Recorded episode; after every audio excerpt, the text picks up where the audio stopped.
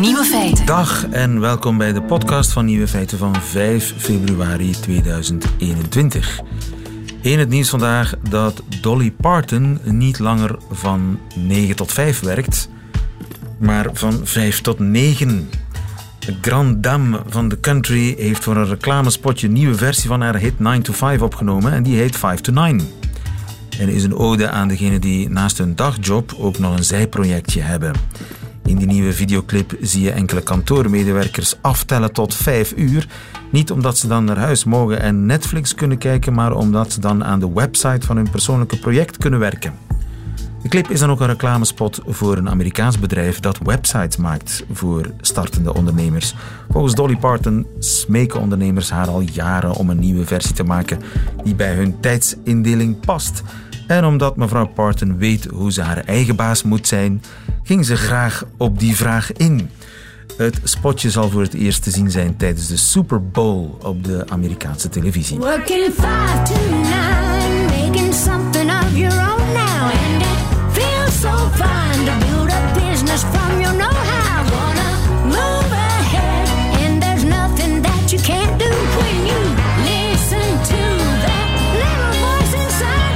De andere nieuwe feiten vandaag.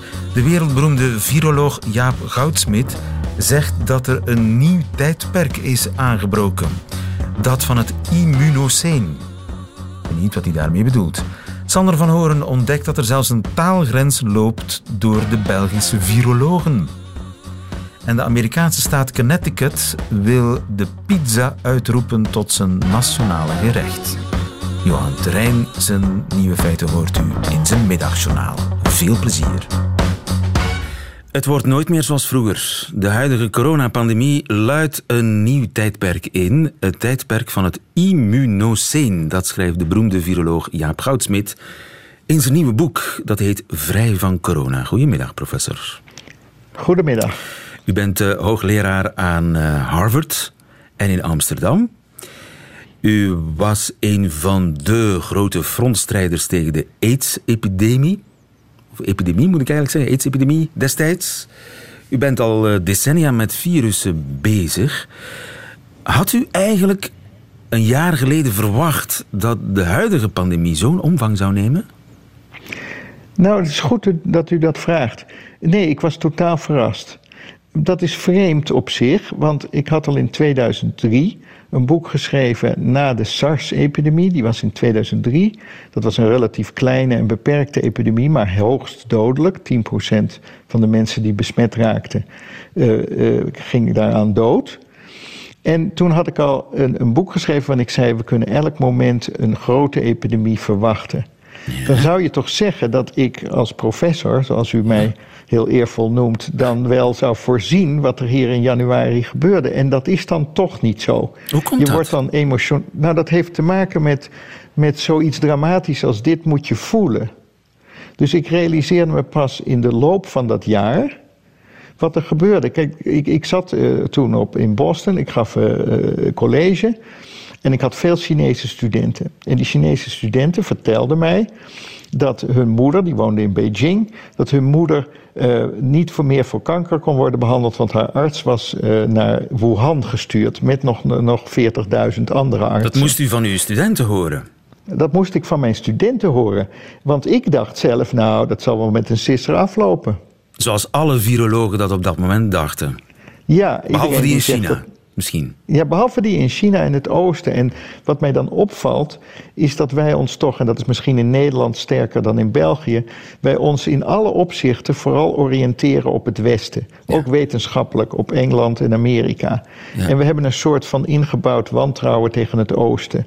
En zij hadden het eigenlijk voorzien en hadden ook echt adequaat gereageerd. En dat zie je nu ook op alle lijstjes terugkomen. Ja, en wij dachten natuurlijk dat is het zoveelste SARS-virus. Hebben we al een keer meegemaakt. Blijft lokaal, heel dodelijk. Maar het pakte helemaal anders uit.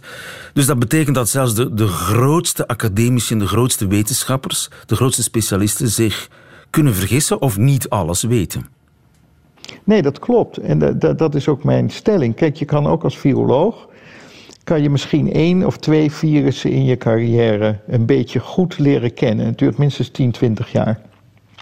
En Dat, eh, de, dus ik denk dat we in die zin nederig moeten zijn, maar ook adequaat moeten leren reageren op nieuwe feiten. Ja. Ehm, en, en ik begon er dus steeds meer door te krijgen, waar, waar mijn boek ook een verslag van is, dat ik steeds meer begin in te zien waar we naartoe op weg zijn en dat deze epidemie uniek is, niet voor, dat die niet lijkt op de Spaanse griep of iets, maar dit is een soort pandemie van de omvang van de pest in de 15e eeuw. Dus dit lijkt erop, voor mij, is iets wat gebeurt eens in de duizend jaar. Ja, dus we moeten daar heel veel lessen uit trekken. Eh, En een van de lessen die we kunnen trekken is dat we, dat we heel weinig weten. Bijvoorbeeld dat rare geloof in groepsimmuniteit, hè, wat toch lang gespeeld heeft in Engeland, in Zweden. Ja, ik denk dat de, de grote vergissing was dat veel virologen, eh, en daar geloofde ik weer niet in, met, door de infectie te laten voortrazen, eh, eh, dat dan vervolgens eh 60, 70 procent van de mensen geïnfecteerd zou raken. Ja. En als dat gebeuren zou, dan had het virus aan de overige 20, 30 procent niet genoeg om als het ware voort te bestaan. Waar zat de denkfout? De denkfout zit hem erin dat groepsimmuniteit een begrip is uit de vaccinologie. En vaccins hebben heel weinig bijwerkingen.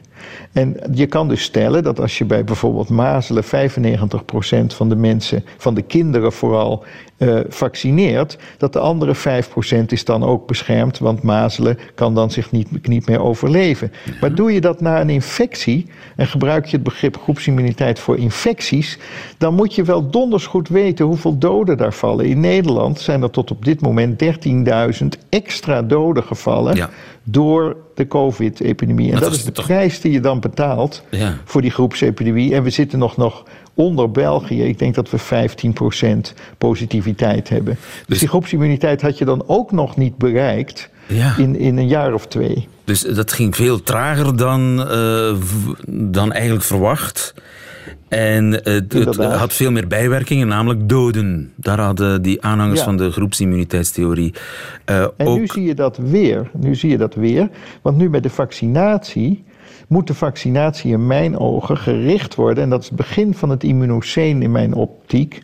Op de ouderen om hun dus niet op de IC, oftewel de intensive care, en niet eh, te laten sterven aan deze infectie. Ja. En het moet niet gericht zijn op het uitbannen van het virus, want dat gaat ons niet meer lukken. Zeker niet met die nieuwe varianten. Dus het virus blijft. Het virus blijft. Precies. En dus we moeten ervoor zorgen dat de schade beperkt wordt. Inderdaad. Daar En dienen die vaccins de- voor. Nu, we zijn toch vooral de ouderen aan het vaccineren? Dat doen we toch nou, goed, hè? Ik, nou, kijk, ik denk dat je daar ook daarom... In Nederland worden er ook heel veel hulpverleners gevaccineerd. En dat, eh, dat zorgt voor een enorme... nou, dat zorgt voor een enorme complicatie. Dus onze gezondheidsraad in Nederland had ook heel terecht geadviseerd: nee, ga gewoon op leeftijd vaccineren. Het is ook het simpelste, want dan hoef je alleen je paspoort te laten zien. En we zijn toch een heleboel zorgverleners gaan vaccineren. En daar hebben wij honderdduizenden vaccins in mijn ogen mee verspeeld. Waardoor de versoepelingen een buitengewoon groot yo-yo-effect krijgen. Hoe of een dat? Ja, dus die, die, die versoepelingen eh, zorgen ervoor dat het de, eh, aantal besmettingen enorm gaat stijgen, tot er weer eh, die versoepelingen weer teruggedraaid worden. Precies. En ik denk dat als je de ouderen nu in, in no time dag en nacht gaat vaccineren en met name het eerste shot geeft, want het blijkt nu dat met al deze vaccins ehm, één shot genoeg lijkt te zijn om met name de, eh, de ouderen te beschermen tegen ernstige ziekten. Daarmee eh, krijg je ook minder eh, belasting van je gezondheidszorg en minder sterfte. Dus het gaat er nu om, in mijn ogen, om de oudsten minstens één shot te geven, want dan zou je zien dat dat al heel erg beschermt. En het beschermt ook nog tegen al die nieuwe varianten. Als die ernstige ziekte geven, werken deze vaccins nog uitstekend. Ja, dus onze ambities zijn eigenlijk te hoog. We willen het virus bannen, we willen volledig virusvrij worden en dat gaat sowieso niet meer lukken. Dat klopt. Ik denk dat het de toekomst eruit ziet dat we gewoon vanaf volgend jaar met de griepvaccinatie die in Nederland door de huisarts wordt gedaan bij iedereen boven 60, dat we daar gewoon naast de pneumokokkenvaccinatie ook de COVID-vaccinatie aan Een jaarlijkse toevoegen vaccinatie. Voor de ouderen. En we laten het virus gewoon eh, zijn werk doen eh, in, in de jongere populatie. En je versoepelt dus nadat je alle ouderen hun eerste shot hebt gegeven. en dat dan, is mijn visie. Ja, dan gaan de niet-ouderen, die gaan dan wel COVID krijgen, maar dat is op zich niet zo'n geweldig probleem. Nee, u moet beseffen dat eh, als je naar, kijkt naar de sterfte, dan zie je dus dat 67% van die sterfte zijn de ouderen, 70%. En, en als je daar iets onder gaat kijken, is de rest. En bij jongeren zie je nog geen 1% sterfte. En zie je ook een hele lage ziektekans. Ja. Overigens, u had deze zomer nog grote twijfels over de veiligheid van die eh, coronavaccins. Bent u inmiddels gerustgesteld? Ja, ik ben heel erg gerustgesteld. Nou, ik had niet zozeer, ehm, eh, moet ik zeggen, eh, een angst over veiligheid. Ik was meer of ze effectief zouden zijn. Want ik had natuurlijk, ik kwam uit het aidsveld en daar hebben we nog steeds geen vaccin voor. Maar het bleek toch blijkbaar makkelijker te zijn, want je ziet nu dat elk vaccin, zelfs al na één shot, Ja. 90% eh, tegen de eerste variant bescherming geeft en zelfs 70% nog tegen de bijvoorbeeld Zuid-Afrikaanse variant. Dus we dat hebben de een- technologie om razendsnel hele goede vaccins te ontwikkelen. Ja, in zeer korte tijd. En dus de wetenschap heeft de optimale, zijn optimaal zijn werk gedaan in mijn ogen. Dus nu hoeft alleen nog maar de overheden en wij zelf ons best te doen. Is- ja, dus eh, nu moeten wij onze lessen trekken en ons beter wapenen tegen ja, de pandemieën die ons nog eindeloos staan te wachten. Ja, en, en ik benadruk dus ook dat wij zelf iets kunnen doen. Namelijk op de intensive care komen vooral mensen terecht die een slechte leefgewoonte hebben gehad vanaf hun vijftigste. Ja. Want een van de belangrijkste risicofactoren voor ernstige COVID zijn precies dezelfde risicofactoren voor bijvoorbeeld het hartinfarct. Dat is namelijk slecht eten en te veel eten en dus te dik worden, te veel drinken en roken. Ja. Dus eh, niet alleen de politiek moet zich eh, bezinnen en eens in de spiegel kijken. Om te kijken hoe we dit in de U toekomst en ik verder... moeten dat ook Wij doen. ook. Ik ben, wij ook. Ik ben ook een paar kilo's te zwaar. Ik moet ook wat doen. Ik wens u heel veel succes daarmee, eh, Jaap Goudsmit. Dankjewel voor dit bijzonder heldere gesprek. En het boek heet Da- Vrij van corona Alsjeblieft. van viroloog Jaap Goudsmit. Goedemiddag. Nieuwe feiten. De ontdekking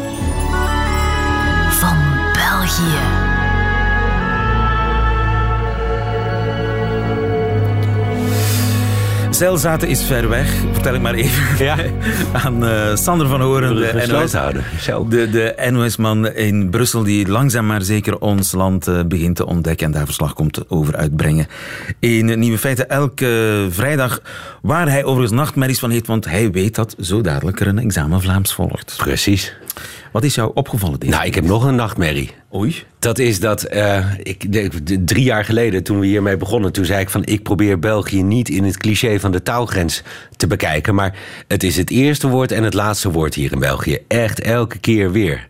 Taalgrens. Daar, daar komt de taalgrens. Waar het ook over gaat. Nu de catfight tussen virologen.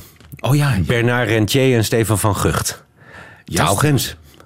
juist ja. Zelfs de virologen. Zelfs de virologen, en dat is natuurlijk ook weer niet nieuw. Dat is eigenlijk eh, vanaf de zomer heel pregnant geworden dat ehm, de virologen in Wallonië toch een ander eh, beeld hebben van hoe het werkte dan de virologen in Vlaanderen. We hebben het er ook al over gehad dat ik ook wel vond dat het hier die virologen in Vlaanderen en de media elkaar in een ijzeren greep hielden. Hè. Zet van Gucht of van Ranst een uur in de studio. Natuurlijk heeft die man overal een mening over, want dat wordt hem gevraagd. Maar moet hij dan ook maar overal een mening over hebben? En krijg je dan niet een veel te zwartgallig beeld van de samenleving? Nou ja, je hebt het er net ook over gehad. Je kunt ook heel optimistisch zijn eigenlijk. Maar ehm, dat optimisme dat wordt in Wallonië wel tot een kunst verheven af en toe. En wat, wat, wat ik dan ook fascinerend blijf vinden om te zien... is dat dat zoveel effecten heeft. Dat discours. Ehm, kijk naar de vaccinatiebereidheid in, in, in de verzorgingshuizen Juist, ook daar taalgrens. was over de hele linie heel. eh, België, België was één, hè? Dus, dus men wilde zich niet laten vaccineren. Maar naarmate, eh, en dat zag je ook in Nederland, naarmate er meer eh, informatie was, eh, het Europees Medicijnagentschap eh, vaccins ging goedkeuren, daar lang de tijd voor nam, maar daardoor die goedkeuring wel meer vertrouwen kreeg, zag je dus niet alleen in Nederland, maar ook in Vlaanderen die vaccinatiebereidheid oplopen, ook onder het zorgpersoneel. En in Wallonië hallucinant. 4, 5 procent maar denkt daar die, die, die prik te gaan nemen.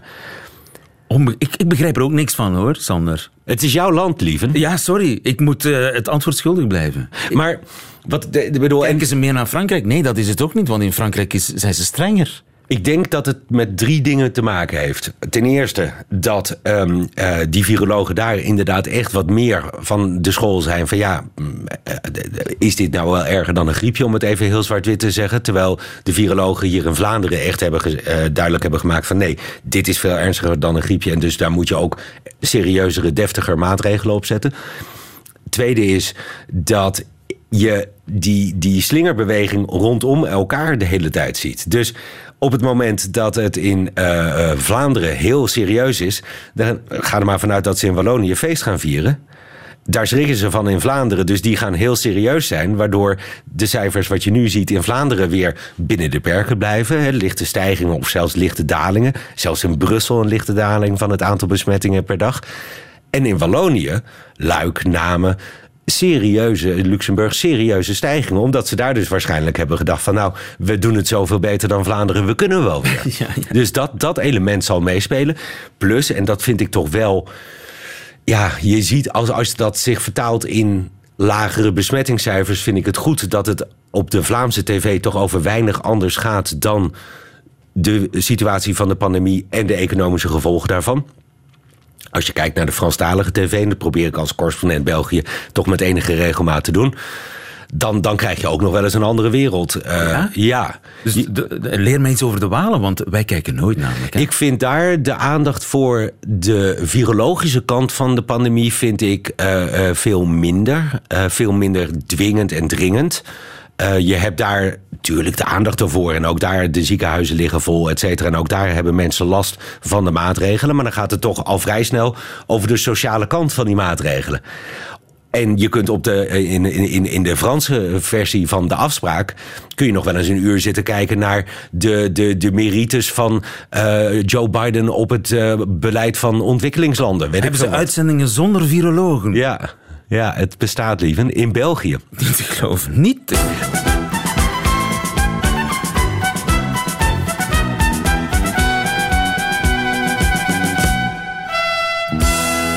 Examen Vlaams. Je wou nog iets zeggen? Nou, Heel kort dan. Ik vond het wel leuk dat die eh, eh, Waalse viroloog gisteren gevraagd werd naar eh, wat vind je dan van Vlaanderen. Ik hou niet om in die termen te spreken, zei hij. Daar hou ik niet van. Ik heb het over België. Ook dat is eh, Franstalig. Examen Vlaams. Dus, plakken. Aankleven? Ja, maar er is ook nog een tweede betekenis. Bumperkleven. Nee. Ja, ja, het zal, maar dan, dan, ik, ik ken al vrij veel betekenissen, dus dan moet je even wat context geven om te weten. Eh, De ruwbouw is af. Ze moeten alleen nog plakken. Plamuren. Ja! Wauw! Ja, maar context is everything. Oké. Blijven plakken. Eh, eh, tot na sluitingstijd blijven zitten of nadat iemand, ja... Zijn ze dat in Nederland ook? Blijven plakken. Blijven. Ehm, nou, na sluitingstijd niet zozeer, maar blijven plakken is wel tot als, als laatste blijven zitten. En, en blijven plakken. Terwijl de Oké. gastheer eigenlijk al heeft duidelijk gemaakt dat het tijd is om te gaan. Dat, dat Ja is, en, En, en ook zo van als je met kleine oogjes eh, op je werk verschijnt, zeg je ja, ik heb gisteren blijven plakken. Ja, dat betekent precies, meestal urenlang ja. in kennelijke staat eh, doorgegaan. We zullen het niet zo snel gebruiken op die manier doorzakken, is inderdaad. eh, ja. Ja, blijven plakken of doorzakken, het, het is maar een nuanceverschil in Vlaanderen. Dan is er een woord waarvan ik mij eerlijk gezegd afvraag of je het kent. Ik weet het niet zeker. Debatfiche.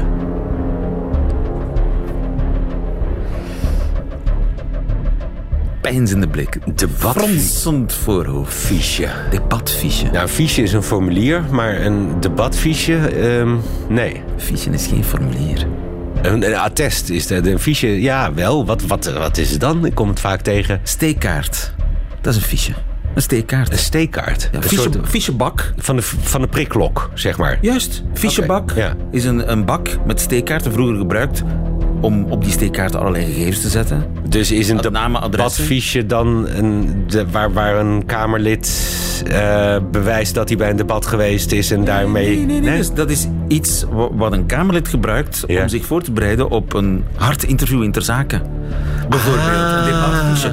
Dat, dat zijn de, de, de, de sleuteldingen die ik wil zeggen. Dat Wij, wil ik- wij, wij hebben daar echt een, een veel mooier Nederlands woord voor. Oh ja? Talking points. Oh, help. ja, nee, echt. Talking points. Dat zijn de dingen die... Het is dan nog slecht. Ja, ik, Engels. ik, ik, eh, ja, nee, absoluut. Maar zo heet dat. dat. Dat betekent dus dat je een politicus ook kunt vragen naar de temperatuur buiten. En hij zal het antwoord geven wat hij heeft Juist, voorbereid. Dat ja. is de debatfiche. Ja, En ja. je kunt zo zien eh, aan, aan de politicus in kwestie dat hij zich ijzers en dat hij zich vastklampt aan zijn debatfiche. Ik vind het vreselijk. Ik snap dat ze het doen, maar het maakt vaak dat als eh, interviewer de antwoorden niet uitzendbaar zijn. Omdat jij geen antwoord krijgt op je vraag namelijk. Fuck de debatfiche. Zeker. Voilà. Ik heb het gezegd. Eh, nog eentje. Hè? Je hebt het opgenomen? Ja, precies. Oké, goed zo. Ja. Verboden woorden op de VRT. Debatfiche hebben we gehad. Fluo-stift. Nee. Dat weet je. Het is een markeerstift. Juist. Ja. Ja, maar het was gewoon even om iets eh, duidelijk te maken. Ja. Je hebt een goede beurt gemaakt. hè, Vier op Sander. vier, hè? Debatfiche misschien niet helemaal. Drie op vier. Drie op Drie vier. op vier.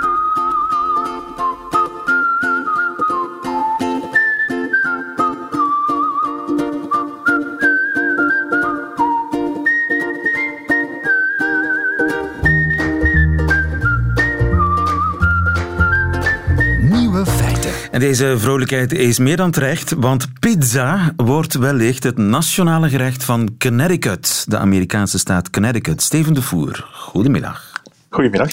Je bent journalist en schrijver van een prachtig boek over Amerika. Ik moet zeggen, Steven, ik ben enigszins verbijsterd. Connecticut wil een nationaal gerecht en dan nog pizza. Nou ja, uiteraard is er één ander ding waar je aan denkt als je Connecticut hoort dan, eh, dan pizza lieven. Ik denk eerlijk gezegd aan helemaal niets als ik Connecticut hoor. Nee, maar het is vooral ja, die, die, die, die keuze voor die pizza natuurlijk. Het, eh, het onderlijnen dan nog van dat dat behoort tot de culinaire traditie van de staat. Ja, dat zegt natuurlijk wel veel over de culinaire tradities van de staat Connecticut.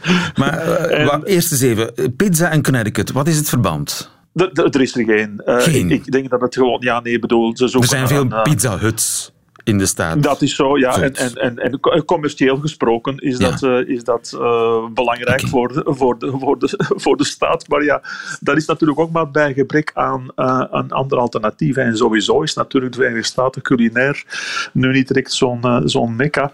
Maar bijvoorbeeld de, de zuidelijke staten hebben hun, hebben hun comfort food, dat toch zeer typisch is voor daar.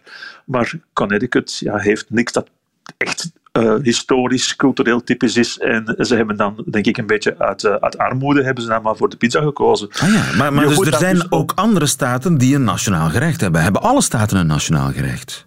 Ik weet niet of ze het allemaal hebben, maar de meeste wel, veronderstel ik. Omdat uh, je hebt in, in, in de Verenigde Staten, hebben, uh, alle staten hebben tientallen uh, symbolen. Ze hebben hun, hun, hun staatsofficiële vogel, ze hebben hun staatsofficieel uh, reptiel, hun, hun soort boom, hun soort schoenen, hun soort. Uh, de, om het even wie die een idee heeft en dat lanceert, kan ervoor zorgen dat zijn idee het brengt tot officiële puntje, puntje, puntje van de staat. Wat is het officiële geval, speelgoed van Mississippi? Het officiële speelgoed van Mississippi, interessant dat je dat vraagt, dat is toevallig de teddybeer. Mof, en dat vind ik een mooi voorbeeld. Nee, dat, dat, dat vind ik een heel mooi voorbeeld, omdat daar wel degelijk een, een, een historische link uh, is. Uh, veel mensen weten dat eh, het woordje teddybear dat, dat komt van Theodore Roosevelt. Hè. Dat, eh, Roosevelt, de, de president, eh, was een fervent voorstander van, van wildlife. Dat is ook degene die, die Amerika de nationale parken heeft, ge- heeft geschonken. En hij, hij jaagde graag en heeft op een gegeven moment was hij in Mississippi. Was hij, ik ben er ooit geweest, echt in een complete negorij. was, was hij aan het jagen samen met een beroemde jager daar. En die wilde de president een handje helpen. Die heeft toen met zijn eh, geweer op een, eh, dat vrij kleine zwarte beer zijn hoofd geslagen en er een, eh, een net omgegooid. En hij zei dan tegen de president van kijk, je kunt hem zomaar afknallen. En eh, Roosevelt zei van nee, dat ga ik niet doen, dat is onsportief, dat dier heeft geen kans. En dat verhaal is via cartoons en anekdotes een heel leven gaan leiden en is zo uiteindelijk tot die connectie van, van Theodore Roosevelt en de beer en de teddybeer die te lief is om hem dood te schieten, Ja, ja. eh, is, is zo tot de geschiedenis gekomen. Dus, en het heel terecht logisch, dat Mississippi, de teddybeer teddybeer. claimt. Ja. Wat is het nationale gerecht van Illinois? Eh, popcorn. Eh, En dus, er zijn ook nationale auto's en zo van die dingen. Eh, ja, eh, je kunt het eigenlijk nauwelijks zo gek bedenken of het bestaat wel per, per staat. Hè. Je, hebt, je, hebt, je hebt je eigen officiële auto, je hebt je officiële eh, vuurwapen, je officiële bloem. Daar is het trouwens mee begonnen. Dat is ook wel interessant. Eh, het hele idee om die, eh, die symbolen te hebben per staat is begonnen op de wereldtentoonstelling in Chicago in 1893, toen ze er een enorm bloementapijt van wilden maken, met 50 bloemen uit de 50 verschillende Aha, staten. en dan moest elke staat natuurlijk zijn bloemen bij. Overigens lees ik dat de Chevrolet Corvette de nationale sportwagen van Kentucky is. Ja, klopt. Boeiend. Hoewel die daar niet wordt gemaakt. Maar eh, nee, de, de mooiste zijn, vind ik, en, en dan heeft het zin, is wanneer dat er echt een, een, een goede link is mee. Eh, ik vind het logisch dat de Stetson, eh, de, de, de, hoed. cowboyhoed, dat dat de officiële hoofdteksel is van, van Texas. Als, je, als je naar de Nationale Republikeinse Conventie gaat, dan zie je die enorme delegatie van Texanen. Eh, zie, je, zie je die daar allemaal met een Stetson op. Dat is logisch. En een hele mooie vind ik dat ehm, eh, Alaska een officiële hond heeft. En dat is niet wat mensen waarschijnlijk zouden vermoeden, de husky. Eh, De husky bekend van de sleehonden. Hè. Want de husky is eigenlijk voluit Siberische husky. En die is pas 100 jaar geleden in Alaska ingevoerd. Terwijl de, de, de Alaskanen en hun eh, voorgangers, Inuit veronderstel ik, al, al 5000 jaar de, de Alaskan Malamute hebben. Die wel wat lijkt op de husky, maar die natuurlijk niet Siberisch is. En, en die zoveel heeft betekend. Al die honderden, duizenden jaren zelfs. ehm, om, om, om misschien mee te vervoeren, om de caribous te bewaken. En dat is de Dat nationale is hond logisch. van De Alaska. nationale hond van Alaska. En dat vind ik zeer terecht. Veel terechter dan de pizza van Connecticut. Nu, je zei Alaskanen. Zijn er speciale woorden voor bewoners van eh, een van de staten van Amerika? Is er zoiets als een Vermonter of een Kentucker? hoe hoe zeg je dat? Het, eh, het eh, Amerikaanse equi- equivalent van, eh, van de Kortrazaan en de Nino Ja, de. Zweed of de Duitser, de Nederlander, de Fransman. Hebben ze een Mississippiaan? Hoe moet, hoe moet je dat zeggen? Mississipper? Mississippian, veronderstel. Mississippian. Ja, Califor ja. Californiën. Ja, Californies. ja, ja, ja, ja, ja, ja. Maar Er- er- er is er zoiets als een statelijke identiteit? Voelt een Kentucker zich typisch Kentucky? Wel, het is een heel groot onderscheid, denk ik. Eigenlijk een beetje te vergelijken met in, in België. Eh, een een West-Vlaming heeft een identiteit. Een Limburger heeft een identiteit. Een Vlaams-Brabander heeft niet echt een identiteit. Oost-Vlamingen Eh, eigenlijk ook niet. Hè? Oost Antwerpenaar echt, iets nee. meer. Antwerpen maar meer, maar dat toch meer rond de stad. Want als je aan iemand van Antwerpen-stad eh, zegt dat hij tot dezelfde stam behoort als iemand uit Turnhout of zo, dan ga je er ook nog nee, waar. bedenkingen bij Dat is krijgen. de Kempen, dat Ehm, is iets anders. Ja, wel precies. Dus het is een beetje maar vergelijking in- Vergelijkbaar. Ja. Met de ene staat is het wat meer dan de andere. Ja, eh, in de VS heb je natuurlijk zeer uitgesproken in staten zoals Texas. Eh, Californië op een rare manier ook. Raar omdat iedereen eh, in Californië, of niet iedereen, maar toch veel mensen daar naartoe zijn gekomen. Het zijn heel vaak inwijkelingen, maar die zijn er dan ook met een bepaald idee van wat Californië is naartoe gekomen. Dus dan heb je dan ook wel een identiteit. En ik vind een van de, van de meest frappante is, is New Hampshire. Ehm, New, New Hampshire, dat is in het noordoosten toch, hè? noordoosten daar. Eh, en New Hampshire heeft een, een mentaliteit die ze, die ze ook uiten in hun, eh, in hun staatsspreuk eh, Live Free or Die, die trouwens ook heel prominent figureert op de, op de nummerplaten. Ehm, en ja, dat is zo'n echt, echt hun, hun, hun motto, omdat New Hampshire, ja, New Hampshireans, ik weet niet precies, eh, dat die, ehm, dat die ehm, een, een soort van, van anarchisme hebben. Ehm, niet noodzakelijk anti- anti-Amerikaans, maar toch wel heel erg op zichzelf. Ja. Eh, wij beslissen wel eh, wat we willen doen en hoe we het doen. En dat heeft onder andere politieke gevolgen. Bij de bij de voorverkiezingen, bij de, bij de presidentsverkiezingen telkens, eh, dat begint altijd in Iowa. Hè. En de tweede staat waar ze naartoe gaan is New Hampshire. En nu is New Hampshire op zich qua politiek gewicht, gewicht niet zo enorm belangrijk, maar het is natuurlijk richtinggevend. Eh, Ja, ja. Dus er wordt heel hard nationaal naar gekeken. Dus ze dus boksen een beetje denken- boven hun politieke gewicht. Dus het is een ja, beetje absoluut, naar het hoofd gestegen.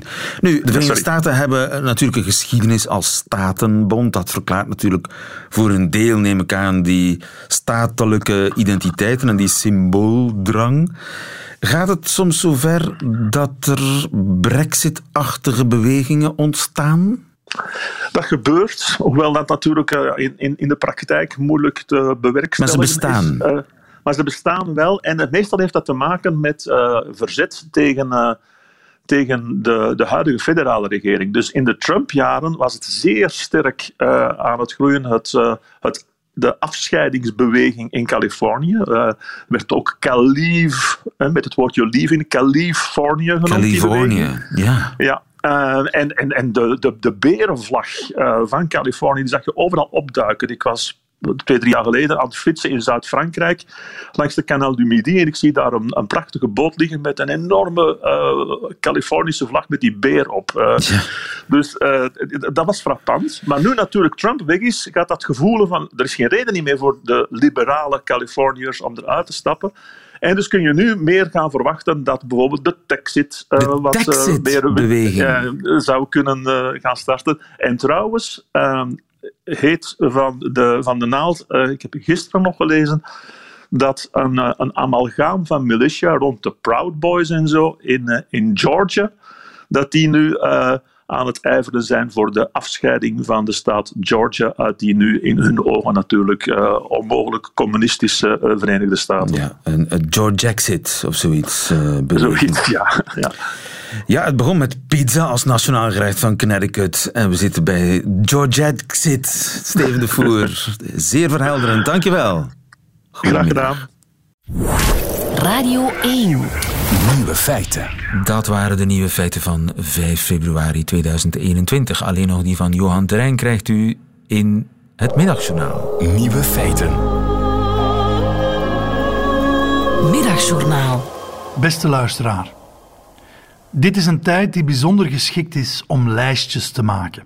Geen to-do-lijstjes of lijstjes met voornemens die meer frustratie brengen dan ze oplossen. Nee, nutteloze lijstjes. Dit middagjournaal deel ik graag met u het lijstje van dingen waarover ik mij kan blijven verwonderen. Het heet dan ook toepasselijk 20 wonderlijke dingen. Ik heb ze ingekaderd en in mijn kantoor gehangen omdat ik het een prettige activiteit vind mij te verwonderen. En zoals Aristoteles enige tijd geleden al beweerde, en mocht Aristoteles dat niet beweerd hebben, dan zal hij het in elk geval niet meer kunnen tegenspreken, alle wijsheid begint met verwondering. Als u even tijd hebt, lees ik het lijstje voor u voor. 20 wonderlijke dingen. 1. Als het geluid van je richtingaanwijzer in de wagen net hetzelfde ritme heeft als het pinklicht van de wagen voor jou. 2. Als je met één schaarbeweging het cadeaupapier kan snijden. 3. Die zeldzame momenten dat Tom en Jerry even overeenkomen omdat ze een gezamenlijke vijand hebben. 4. De hemel 10 minuten voor de storm. 5. Het beloftevolle moment dat het zaallicht in het theater uitgaat. 6. In het gras liggen en naar werkende mieren kijken. 7. Door het haar van je kinderen strijken. 8. Musea met een tentoonstelling van iemand waarvan je nog nooit hebt gehoord, die geweldig vinden en het gevoel hebben dat jij die dan ontdekt hebt. 9. In foetushouding liggen in bed. 10. Een binnenpretje delen met iemand. 11. Je neus in een glas goede wijn steken. 12. Een wegwerpfototoestel terugvinden en laten ontwikkelen. 13. Een stuk van een stokbrood scheuren. 14. Schilderijen van Magritte. 15. De prikkel in je neus als je scherpe mosterd eet. 16. Een rivier oversteken in regenlaarzen. 17. Je vingers in de holte leggen aan het begin van de bilspleet. 18. Oesters eten op een dinsdag. 19. Zwitserse zakmessen. En 20. Een idee krijgen. En zo kreeg ik ook het idee deze lijst met u te delen. Wat is uw lijst van wonderlijke dingen? Ik lees het graag in een reactie onder dit fragment van Zo gauw het ergens online staat.